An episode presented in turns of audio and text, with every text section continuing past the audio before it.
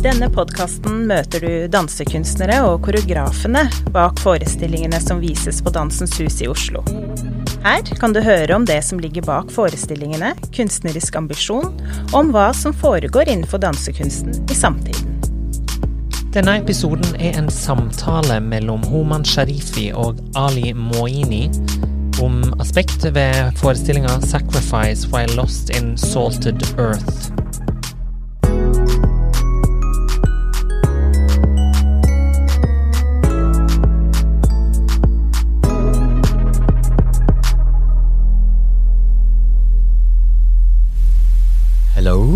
Hello and welcome. So I am Hooman Sharifi and I'm here together with Ali Moini. Yes. So dear Ali, tells us a bit about yourself. Um, well, uh, I'm, uh, I'm an artist, performance artist. Some call it uh, calls it uh, choreographer, but it doesn't matter much. Um, I studied music and theater in Iran, and then I left Iran in 2007 to study research on contemporary dance and choreography creation in Portugal, and then I left Portugal. I went to France. I did another studies in performance art, and from then on, 2010, I'm living in France and working there. And since I think 2004, we got to know each other because I was in a theater piece Yes. that was that we performed it in Kunstfestival in Ber- Brussels. Brussels. And yeah, we got to know each other. Some time to time, we were meeting each other here and there, and then finally, I had the chance to work with you in 2014 for your former show. Yeah. And now I am here with you again for your new show. Yes, and it's great. It's a yeah, it's it was very nice. I mean, you sent me the photos of the 2004 when we met, Yeah. but from Paris. yeah, we met in Paris. Very young, and You were very young. I'm still young. that's Yeah. true. Yeah. I'm sorry. I and and uh, and yeah, I really remember well as we have talked uh, with this performance that you were amazing in it. Thank you. and uh, um, so we i always think like it's interesting how our works are so different from each other at the same time very similar Mhm. in a sense that i feel both works are creating bodies or try to create body in one way or the other Mhm. your work has lots of objects or mechanism that prolong the body or connect your body to something bigger Yeah, it's true. Well, in a sense, I can say that for me, mm, the body in a choreographic uh, platform, it's not necessarily enough. Um, it might comes comes from the fact that I'm not trained as a dancer. Uh, I started uh, dancing and mm, choreographing kind of late after 32 years when I was 32 years but in a way, not only I think it it comes from the fact that I am not trained as a dancer, but also generally I think there is certain qualities and uh, functions that I cannot find it in body, even if it's a very trained dancer. Mm, certain quality that I can find in metals, I don't know, in in pulley systems, in elastics that I usually work with in most of my five pieces. because for example one of them is basically ropes that is Yeah. hanged and connected both to your body and to weight Yeah, it's it's a it's a it's a systems of pulleys, like 250 pulleys and two kilometers of strings that uh, connect my body to a to a double or an object or a puppet that mm, I we directly each manipulate each other uh, in a sense. Mm, whatever I do, this object do, and whatever this object doesn't want to do, I should be care abouting, caring about. So it's not necessarily I'm manipulating, but it's a system in which me and these objects and some counterweights play a role as a other. performer.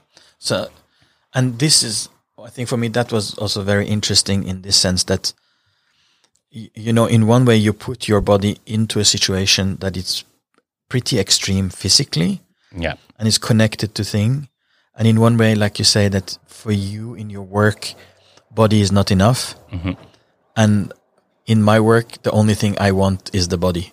Exactly. So everything is like cleaned around it. Mm-hmm.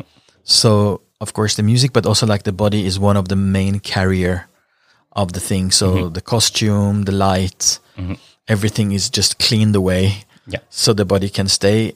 Uh, but then in a way, that's what I'm in, is interesting how both of them are in one way or the other, both creating body, but also putting the body into a situation that has to create something. So, like you say, you put yourself, your body in that situation that it's manipulated and it manipulates and it's, uh, Yeah, and also it, it's paradoxically interesting that when I perform in your show, I don't feel that my body is not enough. But when I'm creating a show, the body, mine, or my performers are not enough. Yeah, in during two shows that I've been working with you as a performer, I never thought that okay, let's get up, grab a elastic or I don't know a metal tube or whatever. But when I'm creating, yeah, it's just, uh, there is this uh, it's not necessarily tendency. Aesthetically artistically and mov- movement wise i'm looking for the extension of body to expand my body but not with just only my body. I use another being or material or objects that can add or remove things from my body. And the other thing that we have talked about is also the thing that you said that I came out of Iran when I was 13 and you came out of Iran when, When you I were was 32. 32. yeah So in a way, our time spent in Iran and outside of Iran is very different. yeah And we have talked about this uh, a bit strange word, maybe this Iranianness in Mm-hmm. the work, uh, both by labeled, you know, like people that program yeah or program me. Like, do they program the Iranian artist or the Norwegian artist or the Norwegian Iranian artist or the French Iranian, Iranian French? yeah Uh, this thing can be discussed, but I was thinking to not go there yeah but to really like ask ourselves what is how does this Iranianness or the thing from Iran works in the piece or not work in the piece, or how do you include it? In my case, I think it's it's it's. I mean, I I, I spent 32 years in Iran, so I and I was um, dealing with and living with the Iranianness and Iranian culture, Iranian music, Iranian aesthetic, Iranian literature, the whole 32 years. So for me, all of them are already there. So I I don't I don't sh- personally I don't feel that I should bring them up. Hmm. They are there. Sometimes I make limitation for them even. For instance, if I if I'm in in a situation that I should choose between something more, let's say, simply Iranian or not Iranian, I choose. I, I tend to choose the one that are not labeled as as Iranian. Um, and also something else that I we were in our last discussion was the fact that usually I go towards when I make a show or create a show, I go towards something that I don't know. And for me, I don't know Iranian music. I know it. I'll, I'll, yeah, I studied Iranian music. It doesn't mean that I know everything, but yeah, it's something that I'm very much familiar with. So I go towards something that I'm not really familiar with. Or else, like for instance, for this piece that we were talking about with pulleys and everything, I I went towards something that I don't know, mechanics. So I study mechanics to be able to create this show. But I, I'm always aware that that, that the Iranianness with my attitude, with my I don't know the way that I perform, the way that I move, it's there, um, and I carry it even if I don't want to. I'm not against it, but I don't exaggerate it or I don't bring it up. For you, it's different because when you, I mean, you you've been living outside of Iran more than half of your life, so maybe your approach or your familiarness toward Iran is is di- different. It doesn't mean that you you're less uh, less familiar with, but your familiarity is different from me. I think for me is always about this thing that at certain point I understood that I there is a lot of that culture which is in me, which I didn't know. Mhm. And then the idea of searching for whatever I know it's a bit cliche word, Iranianness or Norwegianness or whatever. Yeah. It's, it's very difficult to define uh, in any country. Yeah. You, you know, like let's say in Iran or France or anywhere. Of course, if you're from north, from the south, from a different classes. But if we just go with the simplicity of it, just for for a game, uh, um, I there is two. Th- I, it was like I found that I'm looking for it.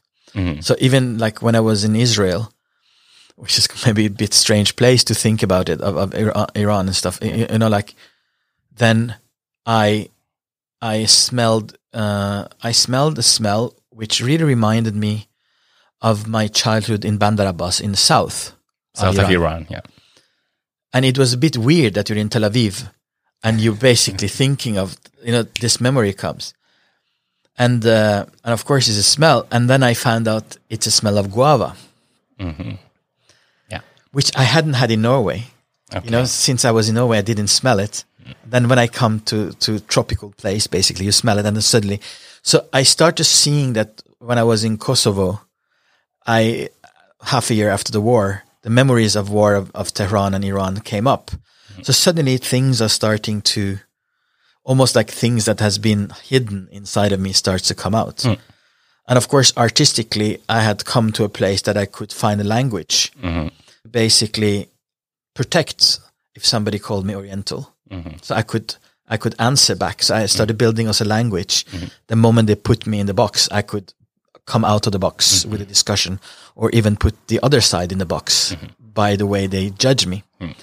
So all of this together, and of course, the, this musicality that this country has, uh, and uh, the politics, the, the every, every, every everything, the, the poesy, everything together, suddenly became uh, like a material that I can tap into, which I didn't had access to before. If you understand.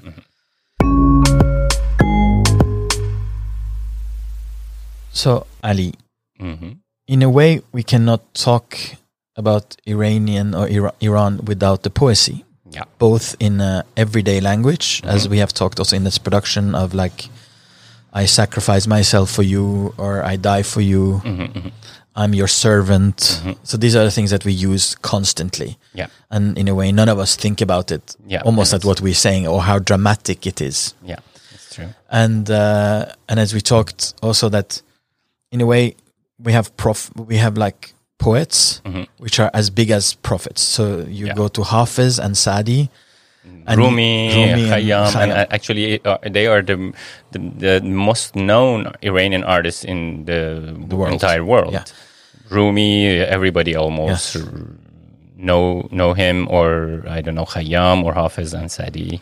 and and you know, I remember this thing it, I totally forgot about this when we were in Paris one day at Sima's place Mm-hmm. our friend which is a filmmaker and we all gathered it was one of the also first time I was with lots of Iranians Mm-hmm. at at the home it was in the new year Yeah, Persian New Year, and then we start to at certain point started opening the Hafiz. Hafiz books Yeah. and reading, yeah, and that was your basically reading of your year. yeah. So in a way, you also go back to poesy a lot it. Yeah, it's true. And and what's is interesting is that going back from the being Iranian is that uh, well, I, I left Iran when I was 32, so I, I was busy as an artist, always like most of not only artists but Iranian, busy with reading poems mm, from classical time or contemporary mm, writers or poets.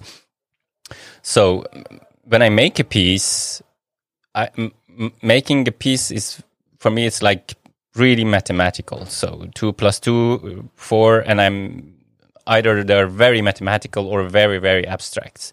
But whenever I create a show, uh, the ones that they come and like it, they said, "Ah, this is was your show is very poetic." But for me, it's like ah, for me it's like two plus two is four. It's like like this.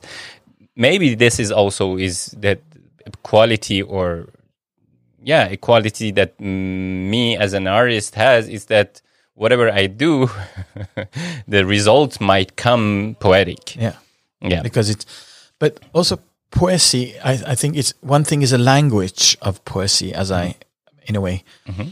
The other thing is also how, I mean, at school, I remember when I went to school in Iran, you, you have a poesy reading, mm-hmm. but you also have a poesy understanding, which basically is classes where you read poesy and then you have to interpret like what mm-hmm. it actually says and what it stands for. Mm-hmm. And that's pretty early age. You started almost, I think, on a Eight fourth, or nine yeah, nine year years olds, old. yeah. You start basically with this kind of and you should should memorize it you should read it. And one thing that might not have to do a lot of a lot with my our discussion is the different between english language. When you in, in english language or probably in norwegian you write poesy in in persian you say po- poesy Exactly.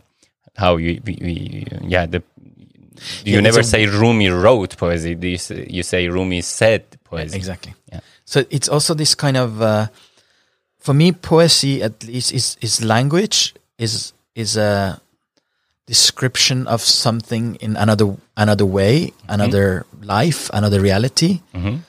But it has also extremely clearly rhythmic mm-hmm. understanding.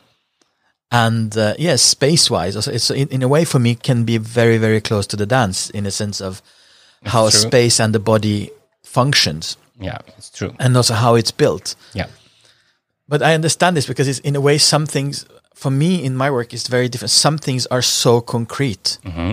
uh, that almost I don't understand that. How can anybody, not anybody else, understand it? Mm-hmm. Mm-hmm, but of course, it's this kind of thing. Like it's maybe it's dance in a sense that it's a poesy that created in a language of dance. So Exactly. maybe if I wrote it or said it in a language, that it would be much more understandable. But since you basically create it as a physical action, so the the almost a double layered of of abstraction, or uh, then so And also as as a performer for in your piece though when you when i'm in it's super physical but if i look from outside to to your piece for me it's your piece are quite a very rhythmical concrete poesy also mm, which is interesting yeah. So with this, I think I thank you, Ali, as always. It's always so welcome. great to be with you, work Thank with you. you, and see your performances. I really hope uh, Oslo manages to see your show soon because I they're hope so. amazing. Thank you thank you Thank you. Dansens Hus podkast er en inhouse-produksjon laget av formidlingskonsulent Jonas Øren. Musikken er skapt av Bassmo Beats, og mitt navn er CC Kolstad.